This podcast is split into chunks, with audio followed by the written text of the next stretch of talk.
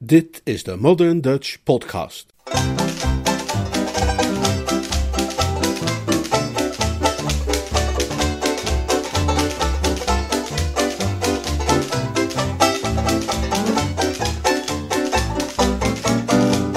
Het minderwaardigheidscomplex van vriend Sippy. Een verhaal uit de bundel Uitstekend Jeeves door P.G. Woodhouse, vertaald en voorgelezen door Leonard Beug. Ik wierp de man een van mijn blikken toe. Ik was geschokt en verbijsterd. Geen woord meer, Jeeves, zei ik. Je bent te ver gegaan. Hoeden goed, sokken prima, jassen, broeken, overhemden, dassen, ja zelfs slopkousen uitstekend. Wat dat alles betreft voeg ik me gaarne naar jouw oordeel, maar als het over vazen gaat, nee. Uitstekend, meneer. Jij beweert dat deze vaas disharmonieert met het overige meubilair in deze kamer, wat dat dan ook mag betekenen, als het al iets betekent. Maar ik bestrijd dat, Jeeves, in totum. Ik vind dit een mooie vaas. Volgens mij is hij decoratief, markant en alles bij elkaar is er 15 piek meer dan waard. Uitstekend, meneer. Oké, dat is dan dat. En als er iemand belt het komende uur, ben ik verwikkeld in een belangrijk overleg met de heer Sipperley ten kantore van de Mayfair Gazette. Ik maakte mij uit de voeten en na hem een laatste hautaine blik te hebben toegeworpen, want de man had mij ontstemd. De middag tevoren was ik, toen ik over de Strand wandelde, toevallig in zo'n soort portiek terechtgekomen, waarvan die kerels staan met stemmen als misthorens die daar de hele dag bij opbod spullen verkopen. En hoewel me nog steeds niet helemaal duidelijk is hoe precies, was ik bij die gelegenheid op de een of andere manier de eigenaar geworden van een grote Chinese vaas met karmijnrode draken erop. En niet alleen draken, maar ook vogels, honden, slangen en iets dat eruit zag als een luipaard. En deze hele menagerie had nu een plaatsje gevonden op een console boven de deur van mijn woonkamer. Ik vond het een mooi ding. Het zag er vrolijk en kleurrijk uit. Het sprong in het oog. En daarom had ik Jeeves, die enigszins ineenkrimpend en volkomen ongevraagd een kunstkritische bijdrage met een negatief karakter had menen te moeten leveren, even behoorlijk op zijn vestje gespuugd. Schoenmaker, blijf bij je leest. Wat een leest dan ook mag zijn, zou ik hem hebben toegevoegd als ik er op dat moment aan had gedacht. Ik wil maar zeggen, hoe haalt een persoonlijke bediende het in zijn hoofd om tussen kunst en kiets te gaan spelen met de fase van zijn werkgever? Hè? Valt de porseleinkast nu ook al onder zijn bevoegdheden? Nee toch? Nou, dat heb ik hem dan ook eens en voor altijd duidelijk gemaakt. Ik had de kwestie nog lang niet uit mijn systeem weten te krijgen toen ik het kantoor van de Mayfair Gazette bereikte, en het zou mij niet weinig hebben opgelucht mijn gevoelens te kunnen uiten tegenover vriend Sippy, die als een van mijn oudste kameraden ongetwijfeld begrip en sympathie zou hebben getoond. Maar toen de jongste bediende mij uiteindelijk gegidst had tot in de intieme vertrekken waar mijn vriend zijn redactionele taken uitoefende, leek hij dermate door belangrijker dingen in beslag genomen dat ik niet het hart had om erover te beginnen. Al die redacteuren, begrijp ik, raken afgetopt en door zorgen getekend als ze dat baantje een tijdje hebben vervuld. Zes maanden eerder was Sippy nog een lustige knaap geweest, een en al vrolijkheid en plezier. Maar toen was hij nog een zogenaamde freelancer geweest, die hier eens een kort verhaal inleverde en daar een handvol gedichten en er verder op los vlieren floot. Maar sinds hij redacteur was geworden van dit krantje, had ik, om zo te zeggen, een verandering over hem zien komen. Vandaag zag hij er redactioneler uit dan ooit en dus schoof ik mijn eigen problemen voorlopig opzij en trachtte ik hem op te vrolijken door te vertellen hoezeer ik had genoten van de laatste editie van de Gazette. Die had ik natuurlijk niet gelezen, maar wij woesters schrikken niet terug voor een leugentje om bestwil als het erom gaat een vriend een hart onder de riem te steken. Het middel scheen te werken. Hij toonde de nodige interesse en enthousiasme. Ah, vond je hem echt leuk? Te gek, jochie. Stonden veel goede dingen in, hè? Stampvol. Dat gedicht? Eenzaamheid? Een juweeltje. Eh, echt meesterwerk. Een knaller. Wie had het ook weer geschreven? Ah, er stond een naam onder, zei Sippy een tikje koeltjes. Ja, hij kan erg slecht namen onthouden, dat weet je toch. Het is geschreven door Gwendolyn Moon. Heb je haar ooit ontmoet, Bertie? Niet dat ik weet, leuk meisje. Allemachtig, zei Sippy. Ik bekeek hem even scherp. Mijn tante Agatha zal u desgevraagd ongetwijfeld weten te vertellen, sterker nog, ook zonder dat u het haar vraagt zal ze dat wel doen, hoe weinig snaps en leeghoofdig ik ben. Die jongen leeft feitelijk maar half bewust, heb ik haar eens over mij horen zeggen. En ik wil niet ontkennen dat zij daar globaal gesproken wel enigszins gelijk in heeft. Maar er is in het leven één terrein waarop ik mij een ware de kok mag noemen: met CK. Ik weet een ontluikende liefde eerder te herkennen dan welke andere kerel ook van mijn leeftijd en gewichtsklasse in heel de metropool. De laatste jaren hebben zoveel van mijn vrienden te pakken gekregen dat ik tegenwoordig zelfs bij uitgesproken slecht zicht een ontluikende liefde al op een mijl afstand weet te bespeuren. Sippy leunde op dit moment achterover in zijn stoel en kauwde op een stuk vlakgom met de blik op oneindig, en ik trok onmiddellijk de onvermijdelijke diagnose. Stort je hart maar uit, jongen, zei ik. Bertie, ik hou van haar. En heb je haar dat ook verteld? Onmogelijk. Onmogelijk? Ik zou niet weten waarom. Het is een onderwerp dat zich uitstekend laat voegen binnen een meer algemene conversatie. Sippy uitte een hol gekreun. Uh, weet jij wat dat is, Bertie? Het gevoel niet meer te zijn dan een nutteloze worm. Nou en of, ik heb dat nogal eens met Jeeves, maar vandaag is hij gewoon te ver gegaan. Je zult het nauwelijks willen geloven, knabo, maar hij had het lef om iets lelijks te zeggen over een vaas die... Ze torent zo hoog boven mij uit. Oh ja? Is ze zo lang dan? Nee, geestelijk bedoel ik. Ze is een en al ziel, en wat ben ik? Een lomp stuk aarde. Nou, gaat dat nou niet wat ver? Dat gaat toch niet ver genoeg. Ben je vergeten dat ik vorig jaar op de avond van de grote roeiwedstrijd dertig dagen onvoorwaardelijk heb gekregen, omdat ik een politieman een stomp in zijn maag had gegeven? Ja, maar toen was je toeter. Precies, en met welk recht kijkt een dronken tuchthuisboef op naar een ware godin? Mijn hart bloedde voor de knaap.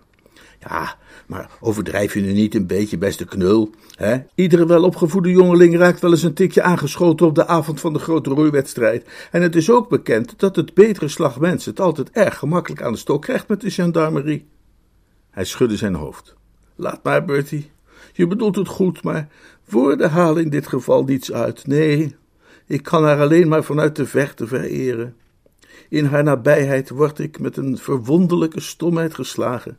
Mijn tong lijkt verstrikt te raken tussen mijn amandelen. Ik zou niet weten waar ik de moed vandaan zou moeten halen om haar te vertellen wat ik voor haar voel. Kom binnen, riep hij. Want juist toen hij een beetje aardig op gang begon te raken en eindelijk zelfs blijk begon te geven van enige welbespraaktheid, werd er op de deur geklopt.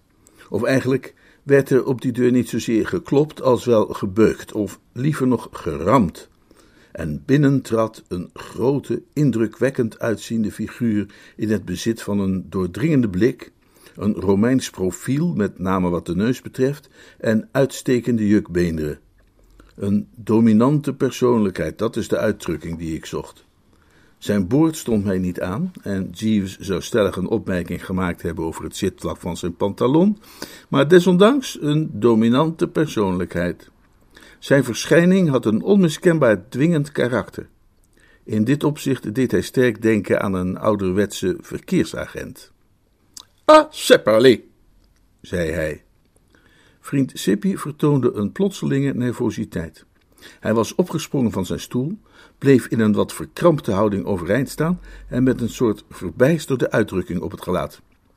Neem alsjeblieft plaats, Sepperly, zei de dominante persoonlijkheid. Aan mij schonk hij geen enkele aandacht. Na een korte blik en een schier onmerkbare, doch overduidelijk denigerende neusbeweging in mijn richting, schrapte hij Bertram volledig uit zijn biografie.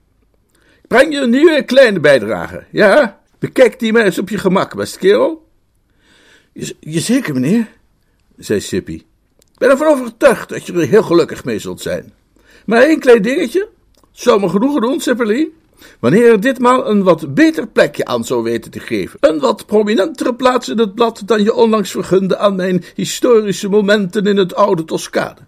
Ik weet dat er in een weekblad meer dingen zijn die bladruimte vragen, maar een mens ziet zijn werk toch niet graag ondergebracht in een vergeten hoekje tussen de advertenties van al dan niet gerenommeerde kleermakers en horecagelegenheden. Hij wachtte even alvorens verder te gaan en een onheilspellende glans blonk uit zijn ogen.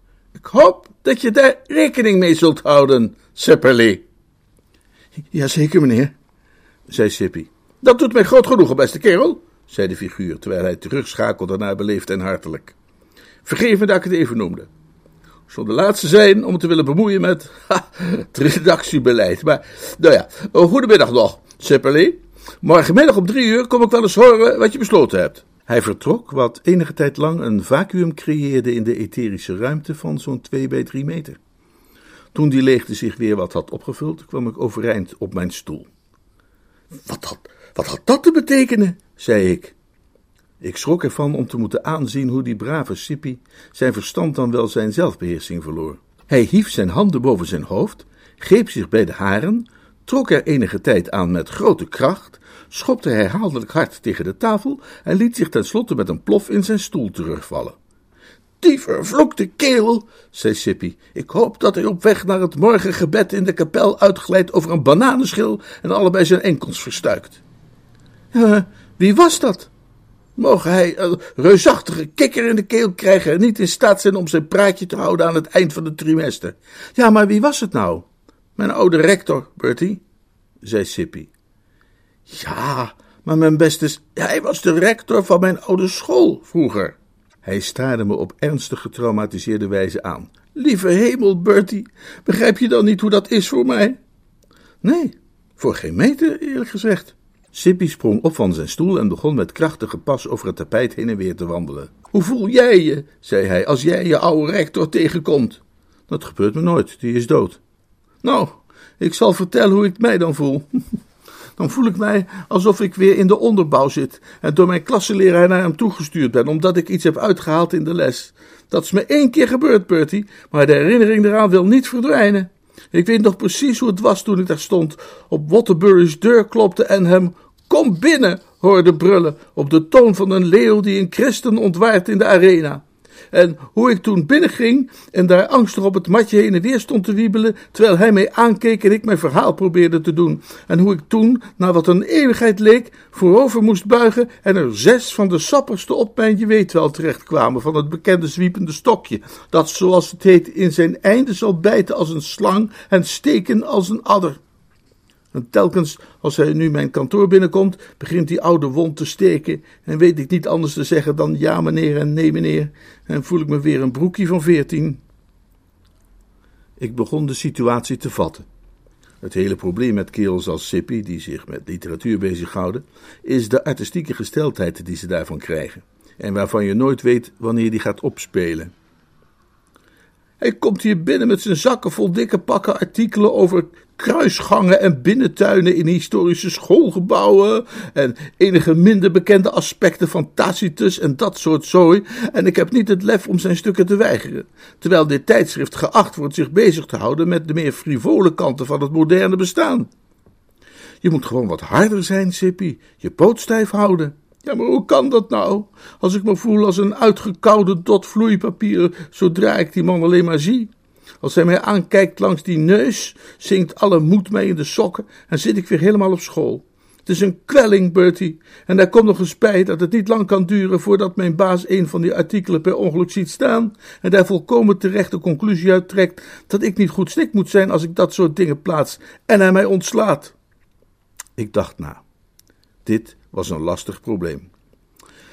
Uh, hoe zou het zijn als, uh, vroeg ik. Lijkt me geen goed idee. Oh, nou, het was maar een suggestie, zei ik. Jeeves, zei ik, toen ik thuis kwam. Schiet mij te hulp. Meneer, houd je grijze cellen in de aanslag. Ik heb hier een geval dat een beroep zal doen op je beste vermogens. Heb jij wel eens gehoord van een zekere mejuffrouw Gwendolyn Moon? De schrijfster van Herfstbladeren, eens warmen junidags en andere werken. Jazeker, meneer. Grote genade, Jeeves, jij lijkt wel alles te weten. Dank u zeer, meneer. Maar goed, meneer Sippely is verliefd op die juffrouw Moon. Jazeker, meneer. Alleen durft hij zijn verlangens niet te uiten. Een veel voorkomend euvel, meneer. Hij acht zichzelf haar onwaardig. Precies, meneer. Juist, maar dat is nog niet alles. Noteer dit even in een hoekje van je hersens, Jeeves, en luister vervolgens naar de rest van de feiten. Meneer Sippely voert, zoals je weet, de redactie van een weekblad dat zich bezighoudt met lichte kost voor het betere publiek. En nu is het hoofd van zijn oude school begonnen hem om de haverklap op kantoor op te zoeken en hem te overladen met allerlei taaie kopij die volkomen ongeschikt is voor het lichte en betere publiek. Vervolg je me? Op de voet, ja.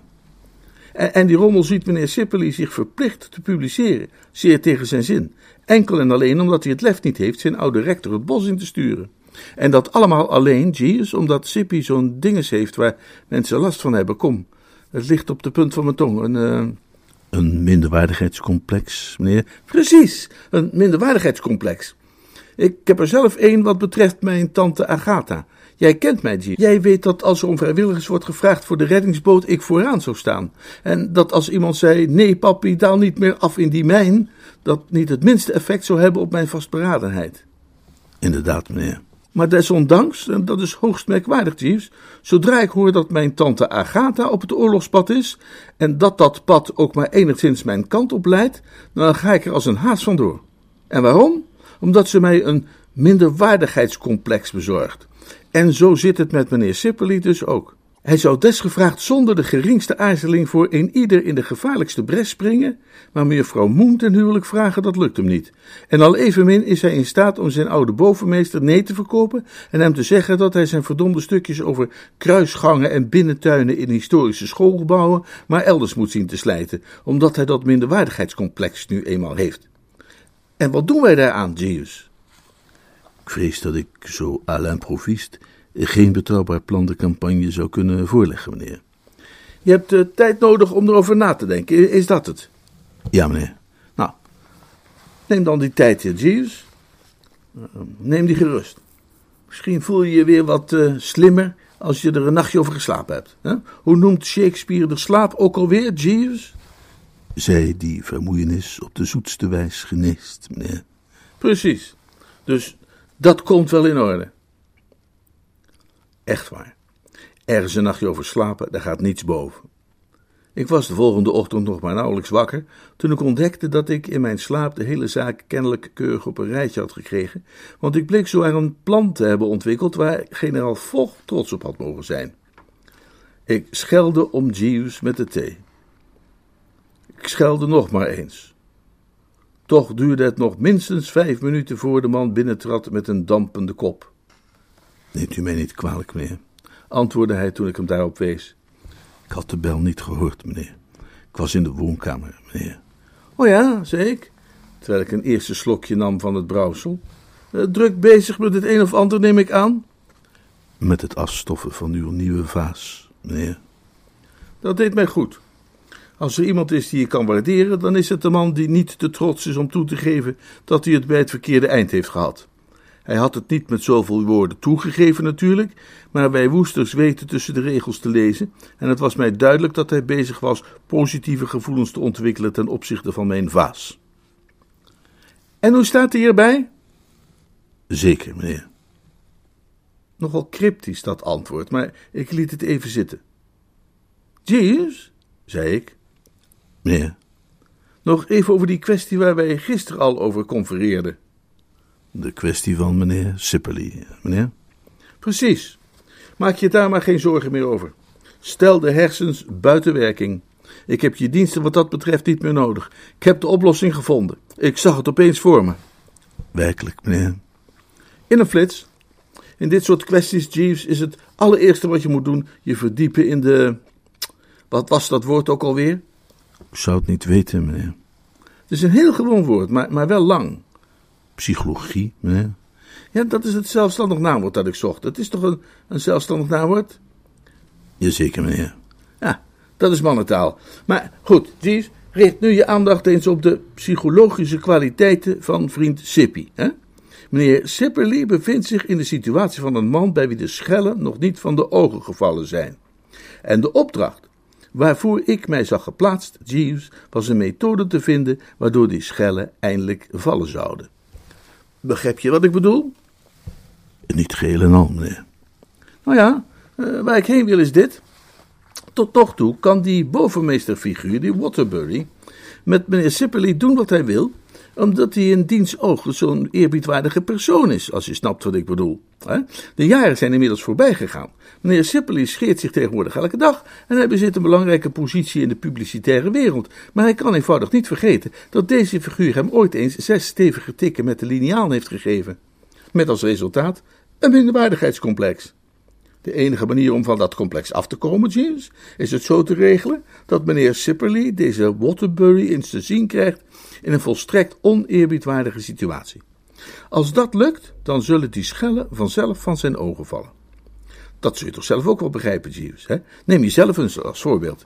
Je hebt ongetwijfeld een groot aantal vrienden en bekenden die tegen je opkijken. Ja, eh, die je met het grootste respect beschouwen. Maar stel je nu eens voor dat ze jou op een avond tegen zouden komen in gevorderde staat van dronkenschap, terwijl je midden op Piccadilly Circus in je ondergoed de Charleston stond te dansen. U schetst een voorbeeld met een uiterst geringe waarschijnlijkheid, meneer. Jawel, maar stel je het nu gewoon eens voor, hè? Die schellen zouden van hun ogen vallen, of niet soms? Het is zeer wel mogelijk, meneer. Of, of, neem een ander voorbeeld. Herinner jij je nog van een paar jaar geleden die keer dat mijn tante Agatha het kamermeisje in dat Franse hotel ervan beschuldigd had dat ze haar parelsnoer had gestolen? En dat ze vervolgens ontdekte dat die parels nog gewoon in haar laadje lagen? Jazeker, meneer. Toen stond mijn tante mooi voor aap, dat geef je toch toe? Er zijn inderdaad gelegenheden geweest waarbij mevrouw Spencer Gregson een aanzienlijk positiever indruk op mij wist te maken. Daar heb ik je. Eh, en luister nu eens goed, hè? als een vleermuis, als het ware. Toen ik mijn tante Agatha al dus zag afgaan, toen ik zag hoe zij helderpaars aanliep onder de woorden van de bebakkenbaarde hoteleigenaar die haar in vloeibaar Frans de mantel uitveegde en zij daarvoor nog geen cent van terug had, toen vielen mij de schellen van de ogen, Jeeves. Voor het eerst in mijn leven, Jeeves, verloor ik de angst en het ontzag die deze vrouw mij van kindsbeen af aan had ingeboezemd. Ze zijn later teruggekomen, dat geef ik toe, maar op dat moment zag ik wie mijn tante Agatha werkelijk was. Niet de mensenetende haai bij het horen van wier naam de sterkste kerels huiverde, maar een treurige zielepiet die net een knots van een blunder had begaan. Op dat moment, Jeeves, had ik haar precies kunnen zeggen wat ik over haar dacht, en alleen mijn hoffelijkheid ten opzichte van het andere geslacht weerhield mij daarvan. Dat zul je toch niet tegenspreken, Jeeves? Nee, meneer. Nou goed, op dezelfde manier ben ik ervan overtuigd dat meneer Sipley zijn schellen van de ogen zullen vallen als hij deze Waterbury, zijn oude bovenmeester, zijn kantoor ziet binnenstrompelen van top tot teen ondergestoven met bloem. Bloem, meneer? Bloem, Jeeves. Maar waarom zou meneer Waterbury een dergelijke handelswijze verkiezen, meneer? Omdat het niet anders zal kunnen. Hè? Een zak met bloem zal in wankel evenwicht bovenop de deur staan tot hij die open doet en de rest kan worden overgelaten aan de zwaartekracht. Ik ben van plan die simpele val voor onze Waterbury in gereedheid te brengen, Jeeves. Maar werkelijk, meneer, ik zou niet willen aanbevelen. Ik hief mijn hand. Zwijg, Jeeves. Ik ben nog niet uitgesproken. Je bent toch niet vergeten dat meneer Sipperley verliefd is op Miss Gwendolyn Moon, maar dat hij zich niet tegenover haar durft uiten? Daar had je vast niet meer aan gedacht? Inderdaad niet, meneer. Oké, luister. Volgens mij zal Sippy, zodra hij ontdekt dat zijn vrees voor die bejaarde schoolmeester verdwenen is, zo opgelucht zijn dat ook in dat opzicht niets hem meer zal kunnen weerhouden. Hij zal zonder uitstel zijn hart aan de voeten gaan leggen van Miss Moon. Maar meneer. Jeeves, zei ik een tikje streng, telkens wanneer ik eens met een plan kom of een voorstel of een goed idee, dan heb jij de neiging om maar meneer te zeggen. Hè? En op een heel vervelende toon. Daar ben ik niet van gecharmeerd. Het is een gewoonte die je zou moeten afleren. Aan het plan of voorstel of goede idee dat ik je zojuist heb voorgelegd mankeert helemaal niets. En mocht dat eventueel toch het geval zijn, dan hoor ik dat dan een andere keer. Maar meneer. Cheers! Neemt u mij niet kwalijk, meneer. Wat ik probeerde op te merken was dat u, naar mijn mening, meneer Sippely's problemen alleen in de verkeerde volgorde te lijf gaat. Hoe bedoel je de verkeerde volgorde? Wel, meneer. Stel mij zo voor dat een beter resultaat zou kunnen worden bereikt wanneer wij meneer Sipley allereerst zover konden krijgen dat hij mevrouw Moon ten huwelijk vraagt. Mocht de jonge dame hem in deze met een positieve reactie verblijden, dan vermoed ik dat zulks meneer Sippely's zelfvertrouwen daarmate zou versterken dat hij niet langer moeite zou hebben de literaire bijdrage van de heer Waterbury met duidelijkheid van de hand te wijzen. Ja, ja, ja, maar in dat geval rest het probleem: hoe krijg je hem zover dat hij een aanzoek doet? De gedachte trof mij, meneer, dat het op mevrouw Moon, die immers als dichteres een romantische aard bezit, grote indruk zou maken wanneer haar ter oren kwam dat meneer Sipley ernstig gewond was geraakt en nu telkens haar naam stamelde. Dat hij op het randje lag met haar naam op zijn lippen, bedoel je? Met haar naam, zoals u zegt, meneer, op zijn lippen. Ik ging rechtop zitten in mijn bed en richtte mijn theelepeltje nogal genadeloos tussen zijn ogen. Jeeves, ik zou de laatste zijn om te zeggen dat jij ze niet helemaal op een rijtje had. Maar dit is toch niet in jouw stijl. Dit is niet op jouw niveau, Jeeves. Je begint af te zakken. Het kan nog jaren duren voordat meneer Sipperly eens een keer ernstig gewond raakt. Daar heeft u zeker een punt, meneer. Het wil bij mij niet in, Jeeves, dat jij nu juist degene bent die je voorstelt om braafjes jaar na jaar af te wachten zonder enige actie te ondernemen.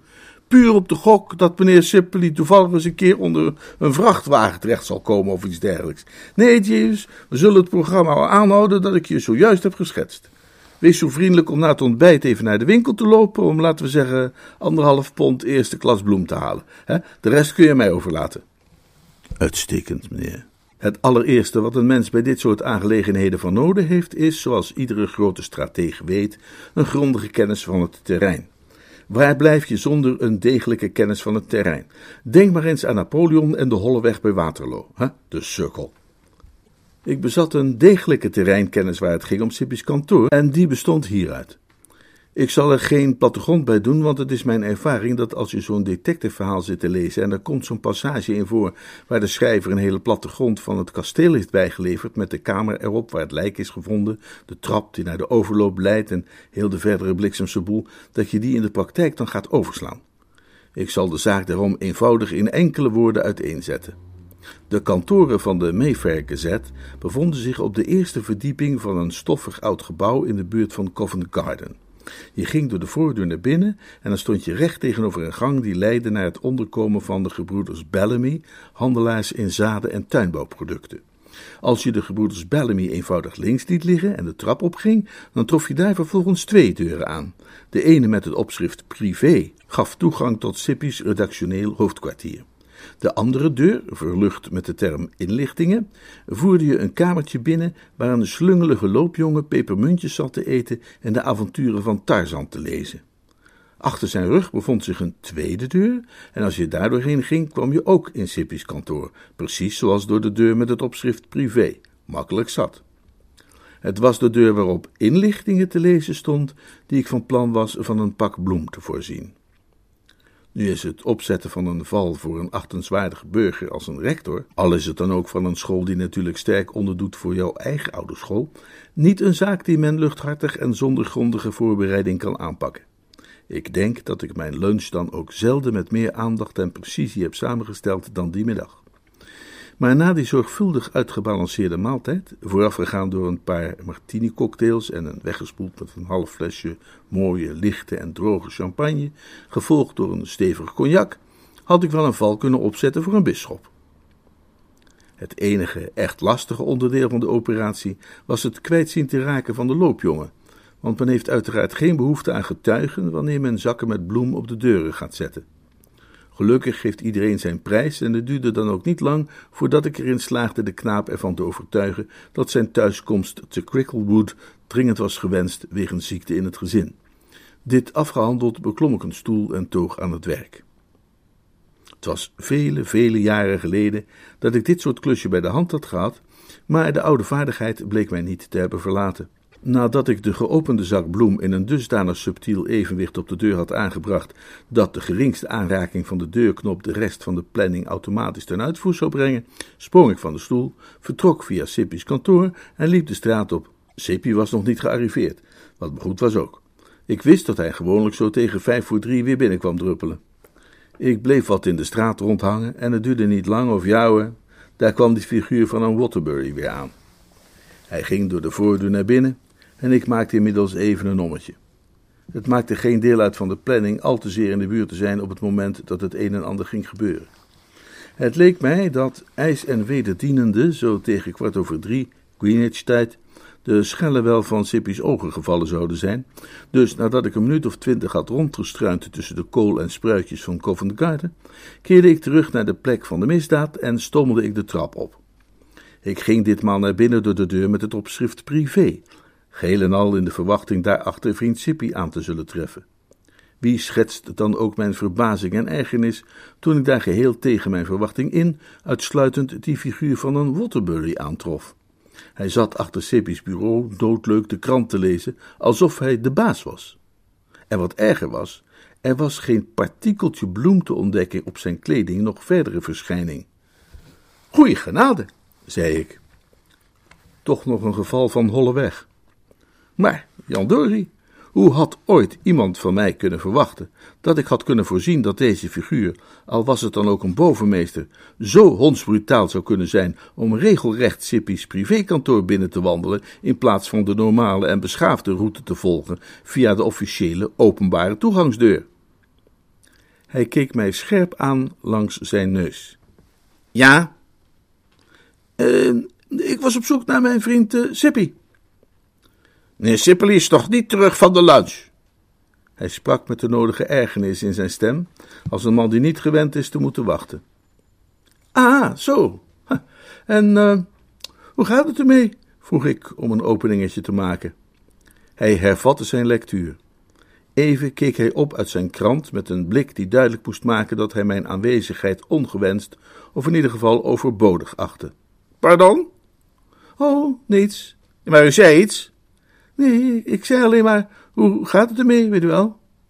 Hoe gaat het waar mee? Nou ja, met, uh, met alles. Begrijp niet waar het over heeft. Oh, uh, laat me zitten. Zelfs een eenvoudig babbeltje behoorde kennelijk niet tot de mogelijkheden. De man toonde zich een weinig communicatieve medemens. uh, lekker weertje, zei ik. Inderdaad. Maar ik hoor dat de boeren wel een regenbuitje kunnen gebruiken. Hij had zich weer achter de krant verscholen en leek dit keer enigszins verstoord daarachter vandaan gehaald te worden. Wat zegt u? De boeren. De boeren? De, ja, de boeren, ja. Welke boeren? Nou, gewoon, uh, in het algemeen, de, de boeren. Hij legde zijn krant neer. Ik krijg de indruk dat u mij iets zou willen vertellen over boeren. Wat dan wel? Nou, ik, ik begrijp dat zij behoefte hebben aan regen. U meent het. Daarmee kwam een eind aan ons gezellige keuvel. Hij ging door met lezen en ik ging op een stoel zitten en sabbelde wat op de knop van mijn wandelstok. En zo trokken de trage ogenblikken voorbij. Het kan een uur of twee later geweest zijn, of misschien ook maar een minuut of vijf, toen buiten op de gang een aanzwellend, vreemd klagelijk geluid weer klonk, als werd daar een mens of een dier gepijnigd. Het geweeklaag kwam naderbij. Het kwam zelfs de kamer binnen. Het was Sippy die een liedje zong. Ik hou van jou, dat is alles wat ik zeggen wou.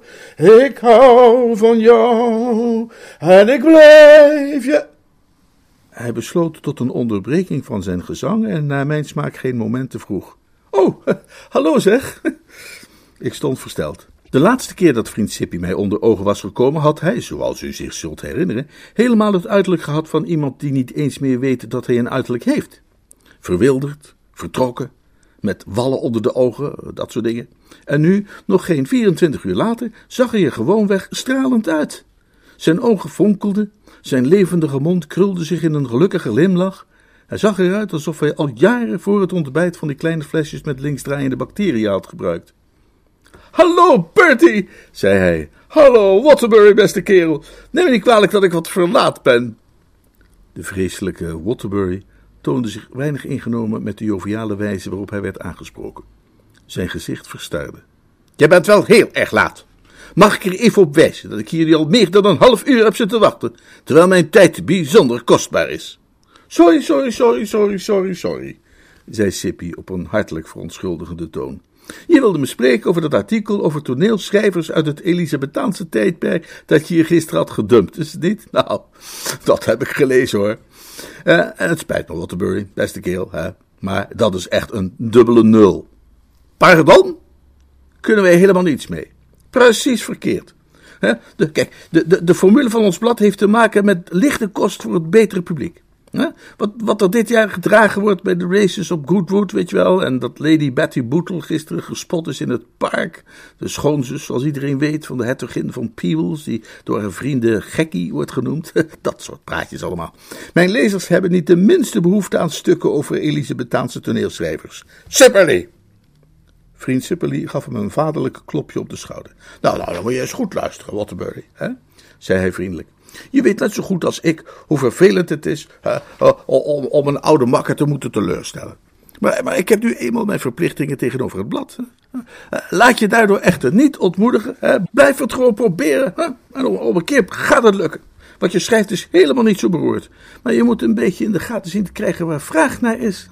Let goed op en probeer uit te vinden waar uitgevers behoefte aan hebben. Ik zal je een voorbeeld geven. Het is maar een suggestie. Je hebt vast wel gemerkt dat de mopshond, die toch heel erg in de mode is geweest, de laatste tijd helemaal is overvleugeld door de Pekinese. En de Belgische Griffon en de Sealyham Terrier. Nou, zoek, het een beetje in die richting.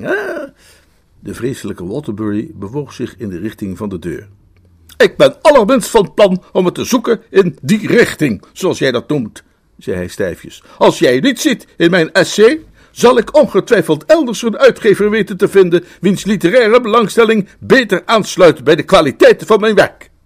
Dat is nou helemaal de juiste instelling, Waterbury, zei Sippy hartelijk. Nooit opgeven. Volharding loont.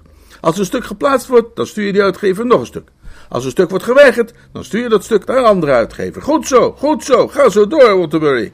Ik zal het verdere verloop van je carrière met de grootste belangstelling volgen. Dank je wel, sprak de vreselijke Waterbury bitter. Ik zal van jouw deskundig advies een optimaal gebruik proberen te maken. Hij ging er vandoor en wierp de deur met een harde slag achter zich dicht. Ik draaide mij om naar Sippy, die uitgelaten door zijn kantoor danste, als een derwish die enigszins boven zijn thee is geraakt. Sippy, hè? Wat? Ik heb even geen tijd voor je, Bertie. Hè? Ik kan niet blijven. Ik kwam alleen maar even langs om je het grote nieuws te vertellen. En hierna ga ik met Gwendolyn thee drinken in het Carlton. Ik ben de gelukkigste man van de wereld, Bertie. Ik ben verloofd, weet je. Ik ga trouwen. Alles is geregeld en afgesproken. Bruiloft op 1 juni, 11 uur precies. Kerk van Sint Pieter, Eaton Square. Geschenken en gelukwensen gaarne bezorgen voor eind mei. Maar, maar, Sippy, sta even stil. Hoe is dit gebeurd? Ik dacht, het is een heel verhaal. Veel te lang om je nu te vertellen. Vraag maar aan Jeeves. Hij is ook hier, hij staat buiten te wachten. Maar in elk geval, toen ik zag hoe zij zich met tranen in haar ogen over mij heen boog, wist ik dat een enkel woord van mij genoeg zou zijn. Ik nam haar kleine handje in de mijne en... Hoe bedoel je? Dat ze zich over jou heen boog. Waar? In jouw woonkamer. Hoezo? Hoezo wat? Hoezo boog ze zich over jou heen? Omdat ik op de vloer lag, natuurlijk, sukkel. Als je op de vloer ligt, is het nogal logisch dat de meisje zich over je heen buigt. Maar tot ziens, Bertie, ik moet er nu snel vandoor. Hij was de kamer al uit voordat ik in de gaten had dat hij vertrokken was. Ik speurde hem op topsnelheid achterna, maar hij was de trap al af voordat ik de gang had bereikt. Ik rende nog wel achter hem aan, maar toen ik op straat kwam, was hij al nergens meer te bekennen. Wie daar wel te zien was, was Jeeves. Jeeves stond op het trottoir en staarde dromerig naar een vereenzaamd spruitje dat op de rijbaan lag. Meneer Sipperley is zojuist vertrokken, meneer, zei hij toen ik naar buiten kwam stormen. Ik bleef staan en wiste mij het zweet van het voorhoofd. Jeeves, zei ik, wat, wat, wat is er gebeurd? Voor wat betreft de romantische betrekkingen van de heer Sipley, meneer, kan ik u tot mijn genoegen een positief bericht brengen. Mevrouw Moon en hij zijn tot een bevredigende overeenkomst gekomen. Ja, dat weet ik. Ze zijn verloofd. Maar hoe is dat gebeurd? Ik ben zo vrij geweest om de heer Sippely uit uw naam op te bellen en hem te vragen zonder enig uitstel naar uw appartement te komen, meneer. Aha, dus zo kwam hij bij mij thuis. En wat toen? Vervolgens ben ik zo vrij geweest ook mevrouw Moon op te bellen en haar mede te delen dat de heer Sippely een vervelend ongeluk was overkomen. Zoals ik reeds had verwacht, greep dit bericht de jonge dame sterk aan en kondigde zij aan zich dadelijk bij de heer Sipley te zullen voegen. Toen zij kwam, vroeg de hele zaak verder slechts enkele ogenblikken. Het schijnt dat mevrouw Moon reeds sedert lang een sterke affectie koesterde jegens de heer Sipley, ik zou gedacht hebben dat als zij kwam opdagen en ontdekte dat hij helemaal geen vervelend ongeluk had gehad, ze wel goed de peen gehad zou hebben om zo voor gek te zijn gehouden. Maar de heer Sipley had wel degelijk een vervelend ongeluk gehad, meneer. Oh ja? Ja, meneer. Ook toevallig? Ik bedoel, naar wat jij daar vanmorgen over gezegd had. Niet geheel en al, meneer. Alvorens mevrouw Moon op te bellen, had ik nog de verdere vrijheid genomen om de heer Sipley een stevige klap op het hoofd te geven met een van uw golfclubs, die tot mijn geluk in een hoek van de kamer was blijven staan. De putter, naar ik meen. Ja. U zult zich herinneren dat u vanmorgen voor uw vertrek nog wat hebt staan oefenen. Ik staarde de kerel aan met open mond. Ik had Jeeves altijd al gekend als een man van oneindige scherpzinnigheid en volstrekte betrouwbaarheid op het punt van dassen en slopkousen, maar nooit eerder had ik in hem dit soort praktische gewelddadigheid vermoed. Dit opende volstrekt nieuwe gezichtspunten in de wijze waarop ik de man beschouwde. Ik kan het niet beter onder woorden brengen dan dat, terwijl ik hem aanstaarde, de schellen van mijn ogen leken te vallen. Goeie hemel, Jeeves! Ik deed het met pijn in het hart, meneer, maar het leek mij de enige mogelijkheid. Ja, maar, maar, maar wacht nou eens even, Jeeves. Ik snap het toch niet helemaal. Was meneer Sipley dan niet behoorlijk nijdig toen hij bijkwam en ontdekte dat jij hem met een putter knock-out had geslagen? Hij besefte niet dat ik dat had gedaan, meneer. Ik had de voorzorg genomen te wachten tot hij een ogenblik de andere kant op keek. Maar hoe heb je hem dan die bult op zijn hoofd verklaard? Ik heb hem voorgehouden dat uw nieuwe vaas daarop terechtgekomen was, meneer. Maar waarom zou hij daar in hemelsnaam intrappen? Dan zou die vaas in stukken gevallen moeten zijn. Die vaas was ook in stukken gevallen, meneer. Wat? Om aan mijn verhaal de juiste geloofwaardigheid te verlenen, meneer, zag ik mij tot mijn spijt helaas gedwongen de vaas te breken. En ik vrees, meneer, dat ik hem in mijn opwinding te zeer beschadigd heb om reparatie nog mogelijk te maken. Ik richtte mij verontwaardigd op. Jeeves, zei ik. Neemt mij niet kwalijk, meneer. Maar zou het niet verstandiger zijn een hoed te dragen? Er staat in frisse wind. Ik keek hem verbaasd aan. Heb ik dan geen hoed op? Nee, meneer. Ik tastte even naar de kersenpit. De man had volkomen gelijk. Dat is nog waar ook. Ik moet hem in Sippy's kantoor hebben laten liggen. Blijf hier staan, zie dan haal ik hem even. Uitstekend, meneer. Eh, ik heb nog een appeltje met jou te schillen. Zoals u wilt, meneer. Ik draafde de trap op en stormde de deur binnen. Er viel iets weeks in mijn nek en de seconden daarna bestond de hele wereld uit niets dan bloem. In de opwinding van het moment was ik door de verkeerde deur naar binnen gegaan. En waar het nu allemaal uiteindelijk op neerkomt is dat als er ooit nog eens een van mijn vrienden last krijgt van een minderwaardigheidscomplex, hij het mooi zelf op kan lossen. Bertram heeft er genoeg van.